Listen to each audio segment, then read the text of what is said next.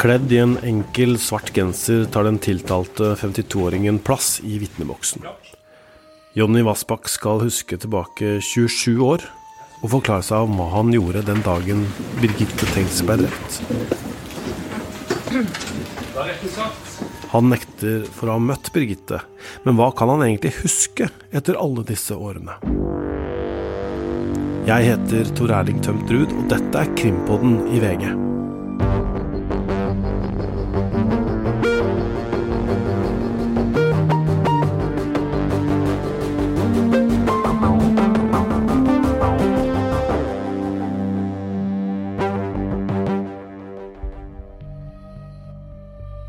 Klokka er litt over halv ni, og gårsdagens pøsregn har stilna i Haugesund. Nedover bakken foran tinghuset så småløper en håndfull journalister og fotografer. De har fått øye på en skikkelse i dobbeltspent dress. Det er eh, forsvarer Stian Christensen. Um, ja, jeg lurer aller først på uh, hva din klient tenker om dagen i dag. Ja, han er spent på dagen i dag. Uh, og så uh, er han innstilt på å svare på de spørsmål som uh, måtte bli stilt han, og egentlig bli ferdig med, med, dette. For det er klart han gruer seg til, til, å måtte forklare seg. Ja, For hva har han egentlig å si? Han nekter jo for å ha gjort dette. Ja, altså i forhold til 5. mai så har han lite å bidra med. For det som du sier, han har nekta å ha noe med dette å gjøre. Det har han gjort hele veien, fra første avhør tilbake i desember 95 og fram til dags dato. Men så har jo aktoratet De ønsker å ha han i vitneboksen i to dager, så de vil nok bruke mye tid på, eh, på eldre ting, eh, som vi var inne på i innledningsforedraget i går. Hvordan har dere forberedt han på det? Ja, Det vi har gjort, er jo på en måte snakke litt om hva, og forberedt han litt på hva tema nok eh, aktor ønsker å gå inn på. Men så må han jo sjøl selv selvfølgelig få lov å, å, svare og bestemme hva han skal svare på de spørsmålene som kommer. Men han er, han er tematisk forberedt. Hva temaer er det det dreier seg om? Ja, Det tenker jeg dere forventer at dere hører i retten, og så skal jeg ikke forskuttere det her nå. Så lurer jeg på hvordan altså Nå har vi sittet to dager i, i retten. Hvordan, eh, hvordan har Jonny Vassbakk det nå? Han han syntes det var veldig veldig tøft å høre forklaringen til Torgeir Tengs. Og det tror jeg alle vi som satt eh, inne i retten og som foreldre sjøl kjente på at eh, hvor forferdelig de vi har hatt i alle disse årene. Eh, så det var en, eh, en vond forklaring å høre på. og det, det, sa han til oss når han kom på bakrommet, at det var veldig veldig vondt å høre den forklaringen. Eh, men jeg, jeg, kan ikke tilstå noe jeg ikke har gjort. Sånn. Mm. Hvordan ser han på de kommende ukene? Dette skal jo vare en stund. Ja, det skal jeg være en stund. og Det er nesten så det er vanskelig, eh, tror jeg, for han å ta inn over seg alt det som skal skje. Så det blir litt sånn dag for dag, selv om vi har vært igjennom og forberedt han på eh, den vitneførselen som kommer, og hvem som kommer. Eh, men det blir litt sånn dag for dag. Mm. Ja, takk. Vitneboksen står eh, bak i rettssalen, vendt opp mot dommerpanelet. Dommerne sitter oppe på et slags eh, opphøyd platå, men vitneboksen er lav. Vassbakk setter seg i stolen. Bak ham sitter eh, rader med tilhørere som har kommet for å høre på, og pressen som noterer. I starten flakker Jonny Vassbakk med blikket. Han gløtter kjapt på aktoratet, litt på dommerne og forsvarerne men mest av alt ned i bordet han har foran seg. Han snakker i korte ord og setninger. Vi har ikke lov til å sende det som tiltalte forklarer, men vi har lov til å referere det han sier. Ruth og Øystein har funnet seg et stille rom for å snakke om det Vassbakk forklarer i retten. Øystein, nå er klokka ja, snart eh, tre. Vi må bare spille inn nå, selv om Jonny Vassbakk fortsatt sitter i, i vitneboksen og, og eh, forklarer seg. Men eh, ja, vi kan skru klokka tilbake til ca. klokka ti i morges og begynne med det første først. Da er det fagdommer Arne Vikse som setter i gang forklaringa til Jonny Vassbakk med å spørre han om om Hadde du noe kjennskap til Birgitte Tengs? Ja, og det svarer han jo blankt nei til. Uh, han blir jo spurt også om han, uh, om han aldri har truffet henne. og åpner jo for at det kan ha skjedd, men han sier 'ikke som jeg kjenner til'. Uh, og Så er det jo selvfølgelig et lokalsamfunn, og han har kjørt på mange jenter, og det er kanskje derfor han, han tar dette lille forbeholdet og åpner for det, men som sagt, ikke som han vet om. Nei, ikke sant, for han, etterpå så forteller han jo at han kjente og, og drev og kjørte på noen av eh, noen jenter som, som kjente Birgitte. og åpner på en måte for at han kan ha truffet henne på en butikk, eller at, at hun kan ha haika med han allikevel. Så det er jo ikke helt utelukka. Nei, og han snakker jo også om at han, eh, om at han uh, kjente noen, og har kjørt på noen jenter som kjente Birgitte, og som bl.a. skulle vært i en konflikt med henne. Og dette kan nok hende er eh, mulige forklaringer, sånn han ser det, på at dette DNA-sporet har kommet på den strømpebuksa. fordi at vi har jo allerede hørt forsvareren hans som sier at eh, altså Vi vet jo Vassbakk han nekter jo for drap. Han nekter for å ha vært på Gamle Sundvei den natta. Han nekter for å ha hatt Birgitte Tengs i bilen den dagen.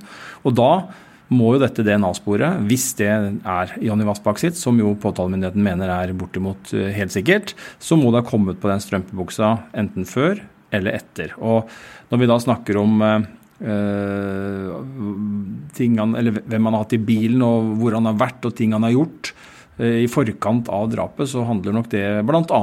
om selvfølgelig å kartlegge og forklare hva slags liv Jonny Vassbakk levde på den tida, men, men, det er jo også man er på jakt etter mulige kontaktpunkter, vil jeg tro, hvor man kan forklare dette DNA-et sporet, eller DNA-funnet. Og så vil nok forsvareren etter hvert komme tilbake igjen til hvordan det kan ha kommet på strømpebuksa etter drapet. Og vi er jo litt inne på det nå, Øystein Jonny Vassbakk sitt liv. Eh, hva slags bilde er det som tegner seg av, av denne da 24 år gamle mannen, eh, når han i dag forteller om seg sjøl og, og livet sitt da? Han tegner jo selv et, et, delvis eh, trist bilde av sitt eget liv. Eh, han bruker jo ord som eh, utstøtt og ja, han, han, han, har jo snakka om perioder i livet som har vært bra, og så har han snakka om perioder hvor han har følt seg da uglesett og utstøtt. Og det er pga. ting han har gjort og han er dømt for, eh, som jo da skjedde på, ja, i stor grad på 90-tallet. Eh, han hadde en venn, sa han, men eh, de mista kontakten. Angivelig da ifølge Vassbakk fordi at denne vennen begynte å bli stor i kjeften, tror jeg var ordet han brukte på det. Mm.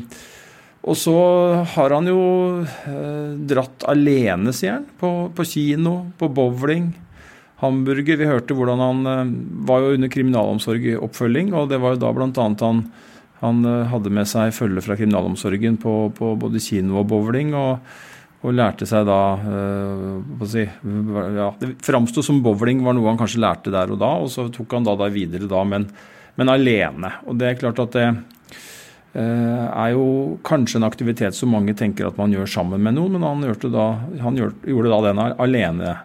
Og så Etter hvert så begynte han å kjøre mye rundt, og, og da fikk han jo Eh, selskap. Eh, han fikk eh, bl.a. selskap av en fastjentegjeng, og han plukka også opp noen tilfeldige haikere, har han fortalt. Det gjorde han jo, sier han, bl.a. den kvelden Birgitte Tengs forsvant. Så sier han at han hadde to damer i 30-årene i, i, bilen som han vel ikke kjente. Men, men han følte seg også utnytta her, da. Han følte vel at de brukte han som en privatsjåfør og en gratis taxi. Så, så det er han måtte jo flytte hjem til foreldrene, til tross for at eh, kriminalomsorgen eh, hadde pekt på at det var viktig for han å, å, komme seg ut av foreldrenes hjem og ut av kanskje lokalsamfunnet i Skudeneshavn også. Eh, og det har han jo vært i noen perioder, men så endte han jo tilbake igjen der og, og fikk jo da et til tider, sånn som han beskriver det, et, et, et stusslig og, og ensomt, ensomt liv. Mm. Det ble snakk mye om Vassbakk sitt forhold til kvinner eller, eller, jenter i dag. Disse han kjørte med, folk han ringte til. Eh, hvorfor er det viktig i denne saken, eh, sånn som aktoratet ser det, og sånn som du ser det? Ja, En av hypotesene aktoratet har, er jo at Vassbakk på et eller annet tidspunkt har plukka opp Birgitte med bil. Eh, og så har jo mm, statsadvokatene vært klare på i innledningsforedraget at de vet ikke. De har ikke en hypotese, ikke noe holdepunkter for på noe vis å si noe om når og hvor og hvordan Vassbakk eventuelt traff Birgitte den kvelden. Og Det er jo et eh, minus uh, sett fra aktoratet sitt ståsted. Et pluss for Vassbakk og hans forsvar at man ikke kan påpeke det. Um, så Det er noe retten må vurdere grundig etter hvert når vi kommer dit. Men uh, for statsadvokatene, som du spør om, Ruth, de, de er nok ute etter å tegne et bilde av en fyr som var ensom, på leit, um, rastløs, rotløs, og som plukka opp folk i bilen, kanskje for å få selskap. Og vi har også hørt om de har jo, uh, de jo pressa han hardt på dette med, med, med, med, relasjoner til kvinner, med dame eller undertøy som han har gitt til, i gave etter ganske korte bekjentskaper, mm. som folk har reagert på. sånn som vi, Nå kommer det vitneførsel, men sånn som det høres ut foreløpig, så har folk reagert på det, de som har fått det. Ehm, så jeg tror de prøver å danne et bilde av en, en fyr som uh, levde et liv og hadde en, en modus som gjør at, man, at, retten kan se for seg at Birgitte kan ha blitt plassert, altså tatt plass i den bilen hans uh, på et tidspunkt. Det, det, er min klare oppfatning. Mm. Og Noe av det som jeg beit meg merke i da han forklarte seg i dag, til det du sier med, med, at han kjøpte undertøy og ga det i, i gave til, til, jenter, var jo at hans svar på det er jo at han ville glede folk. Han sier at det, det syns han var en hyggelig, hyggelig gave å gi. Det virker det som aktoratet satte spørsmålstegn ved. Ja, og det henger sikkert sammen med hvordan eh, Aktoratet vet jo hvordan de som har mottatt dette her, har følt det, for de har jo forklart seg i avhør. og nå er jo rettssaker lagt opp sånn at vi får, jo ikke, vi får drypp og inntrykk av hva som ligger i materialet og hva som kommer til å komme. Men noe, de leser jo ikke opp noe, de konfronterer ikke han nødvendigvis direkte med at vitne A har jo sagt dette, vitne B har sagt dette, for dette skal de avvente fram til vitnet sjøl kommer retten og forklarer seg. Det er jo et viktig prinsipp. Men, men, men, men det underbygger jo, tror jeg, sånn påtalemyndigheten ser det, altså prøver de å underbygge et bilde av en kontaktsøkende fyr. Eh, som liksom litt sånn eh, ja, om man skal kalle det, om de mener at det er klumsete, pågående eller eh, ugreit, eller hva det, det får man jo finne ut av når man skal ha prosedyrer her. Men, men man, jeg tror man prøvde å danne et bilde av en fyr som, som prøvde å få, var ensom og, og søkte kontakt. og og som da brukte bilen og, det gode det er på landsbygda, for å kalle det området det. Det er jo for så vidt det, selv om det ligger ganske tett på en by som Haugesund, så er det jo et kjent sak fra landsbygda i alle år at det å kunne kjøre bil og sitte på og frakte hverandre hit og dit, eh, det er jo et, eh, et gode som, eh, som, folk gjerne vil benytte seg av. Og, og, og Det er jo i det bildet jeg syns de prøver å tegne Vassbakk inn som en sånn litt eldre enn de, de han kanskje kjørte på innimellom. I hvert fall noen av dem. og som da eh, var en, en, et, et, verktøy og et redskap som, eh, som, eh, som jenter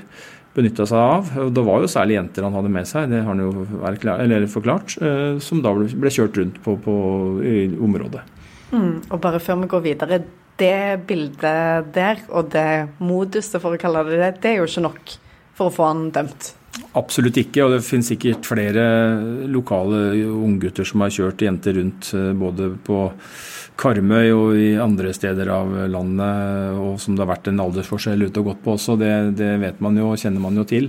Ehm, så det er, ingen, det er overhodet ikke et bevis for at han har gjort noen ting. Ehm, men det er jo nå eh, det er jo DNA det kommer til å stå om, og nå er jo ikke det noe sentralt akkurat nå, eh, all den tid Vassbakk eh, hevder at han ikke har hatt kontakt med Birgitte Tengs. Eh, han kan ikke vite han har hatt det. Han har i hvert fall ikke hatt det den kvelden og natta hun ble drept. Og da, da blir det disse da blir det Vassbakk som person, Vassbakks liv og hans eh, på sin modus. Og så er det nok påtalemyndighetens oppfatning at han passer godt da, inn som en sånn i det bildet. Altså De er i ferd med å legge et puslespill her Eh, og jeg tror de mener at eh, Vassbakk passer inn.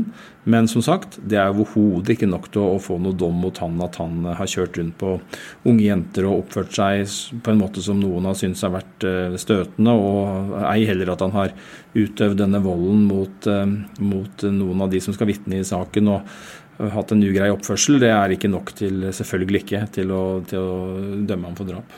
Ja, Vi kan jo si at Jonny Vassbakk til stadighet blir holdt på å si konfrontert eller innhenta av, av fortida si. Ja, og han har jo en, han har jo en bagasje som kanskje er vanskelig å ta med seg inn i nettopp en sånn type sak. Når man kjemper for sin uskyld, så er det klart det er ikke noen fordel å ha ha den historikken han har. Og han har jo nå blitt konfrontert med både vold og blotting, eh, tyveri av eh, kvinneklær og sko, eh, disse undertøysgavene at han har selv som han, har selv erkjent, og som han jo beklager. og Han sa jo i, retten ganske tidlig i dag, og det var vel mens dommeren fortsatt stilte spørsmål, så sa han jo at jeg vet jeg har gjort mye dumt, og jeg er ikke stolt av det. Og, og, dette har, har, jeg følt hele livet, og i hvert fall hele, nesten hele livet. Da. Han sa vel at barndommen hadde vært god, men etter hvert at, etter han begynte å bli knytta til disse forholdene, så har han jo følt at, uh, at, det har vært, at det har vært belastende for han, og at, kommer å, dette kommer til å følge meg hele livet, sa Vassbakk. Uh, og, og, og beklaga samtidig til de ofrene som han har For han har jo erkjent de fleste av de forholdene han har vært anklaga for fram til nå. Eh, så han eh, fremførte også en beklagelse eh, til dem og sa at beklager den påkjenningen det har vært for de fornærmede for det ene og det andre. Det syns jeg er beklagelig, og, og, var tydelig på det. Og Så virker det som en del av dette her etter hvert ble ganske krevende for han å snakke om, og så kom det, jeg kaller det kanskje et knekkpunkt, som gjorde at retten måtte ta en, en pause i dag. Hva var det som skjedde da? Nei, han begynte jo da å snakke om Han snakka om livet sitt, og han snakka om de gode periodene, og han snakka om det han syntes var, var, de dårlige periodene. Og, og da mm, blir han jo først snakka om de gode, og så blir, han spurt om de dårlige, og da kommer dette med ensomheten, færre og færre kompiser. Uh, hvordan han har blitt uglesett som vi var inne på, av lokalsamfunnet etter hvert, og, og, mm, at han opplever den dag i dag. og også, Når jeg sier den dag i dag, så tenker jeg også at han mener først og fremst før han ble pågrepet av politiet i denne saken. Eh, men han har jo sett på det hele veien, da, som han har blitt eh, fordømt. Eh, og at han ja, og at han mener at alle ser på ham på den måten. Og det ble han jo veldig prega av, og da, da, ble det veldig eh, raskt en pause. og han, han, han så berørt ut. Mm. Og tilbake etter mm, Jeg lurer på om det var den pausen der, så har aktoratet funnet et punkt som de presser ganske eh, på han med. Hva er det det går ut på? Ja, De peker jo da på at det er en forskjell på det han har forklart om uh, omfanget av haikere, uh, som, sånn som påtalemyndigheten ser det, i hvert fall. Av de første avhørene fra 95-96 og avhøret nå i juni i år. Eh, at han da var mye mer reservert når det gjaldt å snakke om hvor mange og hvor omfangsrikt dette haikeprosjektet hans, for å kalle det det, og hvor mange han tok opp var. Eh, forsvarerne var jo på ballen og eh, pekte på at det måtte leses i en kontekst, og de måtte ta med hele avhøret osv. Og, så og da leste jo, leste jo aktor opp avhøret. Og Så blir jo Vassbakk da spurt om hvorfor den endringen kommer, og, han, eh, han nøler litt. og Så sier han jo at han har tid til å tenke, til å tenke og, og, sier også at dette avhøret var ganske kort, og at han følte han ble pressa til å svare kjapt av etterforskeren. Um, men at han eh, og ikke fikk tid til verken å tenke eller resonnere. Og så har det da falt på plass etter hvert. Og, og da var aktor på ballen uh, på sin side og, og spurte om da han var redd for å bli mistenkt for Birgitte Tengs-saken den gangen, eller det kunne være tilfeldig. Um, ja, Det at han avviker på en måte ja. nå fra den gangen. Og han plutselig nå husker mye mer uh, enn det han gjorde da. For det er jo en litt, litt uh, Man kan jo si at det er en motsatt logikk i utgangspunktet. At du husker mer nå enn du gjorde da, når du ble avhørt og det er gått så mange år. Men uh, det klarte, han klarte ikke å huske da noe rundt det. Um, og, og hvor, hvor, hvordan han forklarte seg og hvorfor han sa det han sa den gangen. Eh, så det mente han ble en, ble en spekulasjon. Eh, så det eh, Ja. Og så stoppa det jo for så vidt der, da. Mm. Og det er vi jo inne på nå, noe som var ganske vesentlig, og som egentlig starta hele, hele rettsdagen i dag. Jonny Vassbakk forklarer seg jo mye som skjedde for pluss-minus 27 år siden. Hvordan vil du si at vi har merka det i dag? Ja, det er veldig mange ting han ikke husker særlig godt og svarer veldig kort på. Det gjorde han ganske lenge. Og så plutselig så husker han ting eh, ja, om vi skal si bemerkelsesverdig godt eh, eller ikke, det kan man diskutere. Men han, faktum er at han husker veldig detaljert om ting som også påtalemyndigheten og aktoratet nå har stussa litt på, tror jeg, underveis. Og dette må retten etter hvert vurdere betydningen av. Uh, om det er sånn at dette kan være naturlig at han husker forskjellig om ting, eller om han følger aktoratet, som jo nok kommer til å argumentere for at den selektive husken handler om at han Vi vet jo at de mener at han skjuler noe. Man vet at påtalemyndigheten mener at han skjuler det faktum at han har drept Birgitte Tengs, og vil helt sikkert eh, vurdere hans forklaringer i, i, i den konteksten etter hvert.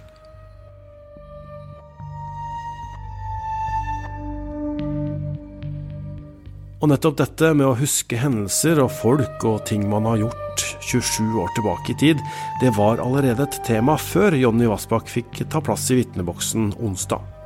Da var det psykolog Ellen Wessel som satt i den svarte kontorstolen en times tid.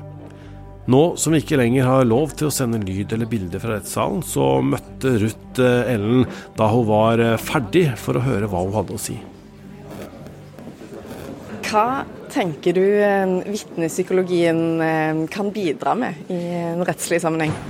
Vitnepsykologien kan bidra med å opplyse folk om hva vi egentlig kan forvente av vitners observasjon. Hva er det de har fått med seg, hva er det de har sett. Men også hva kan vi forvente til deres hukommelse. Da i forskjellige tidspunkter etterpå. Ehm, så det er det jo forsket på, altså vitenskapelig forsket på. At det er både situasjoner som kan påvirke det, og eh, ja, ting i situasjonen. Da, hvor godt vi husker ting. Du snakka der inne om hukommelsens største utfordring. Hva er den? Ja, Hukommelsens største utfordring er tid. Tiden som går. Vi glemmer eh, med tiden. Og særlig de hverdagslige hendelsene. Mens de mer dramatiske hendelsene og traumatiske hendelsene de husker vi svært godt. Altså Traumer de fester seg jo. Og plagsomt godt huskes det. Eh, men mer dramatikk, da vekkes eh, hele vår beredskap, og lagrer, minnene lagres bedre. Så da husker vi gjerne det som er farlig i situasjonen, eller det dramatiske i situasjonen, på bekostning av det perifere. Så vi husker handlingen eller hendelsesforløpet, men vi kan blande eh, tiden for når det skjedde, f.eks. datoen. Eh, ja, så detaljene blir borte. For selv dramatiske hendelser, si ti år da, som var et eh, tidsrom du opererte med, hvor mye sitter man igjen med da? Nei, da er det jo kun dramatikken, kanskje. Hvis det er en dramatisk hendelse ti år etter, så vil du jo huske det. Særlig hvis det er veldig truende, livstruende. Eh, men eh, detaljer rundt kan falme. Alle, alle minner falmer med tiden. Men aller minst de dramatiske. Og traumer er dessverre folk plaget av nesten hele livet. Og Du snakket om eh, minner og ekthet rundt minner. Altså, eh, ja, hva kan du si om hvorvidt man vet om et minne er ekte eller ikke, f.eks. 27 år eh, etter, som vi jo opererer med i denne saken her? Nei, 27 år etter så er nok minner overskrevet gang på gang og redigert. For minnene våre redigeres hele tiden. Altså, Vi er hva vi husker, men, men det vi husker er ikke nødvendigvis hva vi opplevde. Ikke sant? Så, så, dessverre så er de ikke så presise som vi skulle ønske at de var. Hvordan påvirker det troverdigheten og påliteligheten til de som skal vitne i en rettssak? Eh, jo, da betyr det jo at du kanskje ikke er så pålitelig. Du kan jo oppleves troverdig. Dvs. Si at vi tror på deg og har tillit til at du snakker sant og du fremstår som en troverdig person. Men det kan godt hende at du ikke er pålitelig. At du rett og slett ikke husker riktig. Men det er litt vanskelig for oss å avsløre.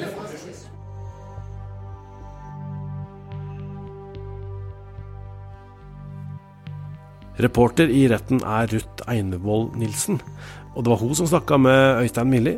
Produsent er eh, Vilde Worren, og jeg heter Tor Erling Tømt Ruud. Denne uka har vi episode hver dag fra rettssaken mot han som er tiltalt for å ha drept Birgitte Tengs. I Podme-appen så har vi samla alle episodene våre som handler om dette drapet, hvis du vil høre mer om saken.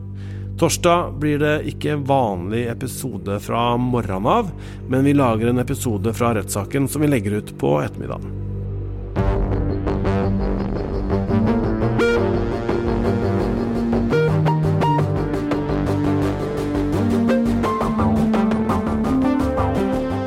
Du har hørt en podkast fra VG. Ansvarlig redaktør, Gard Steiro.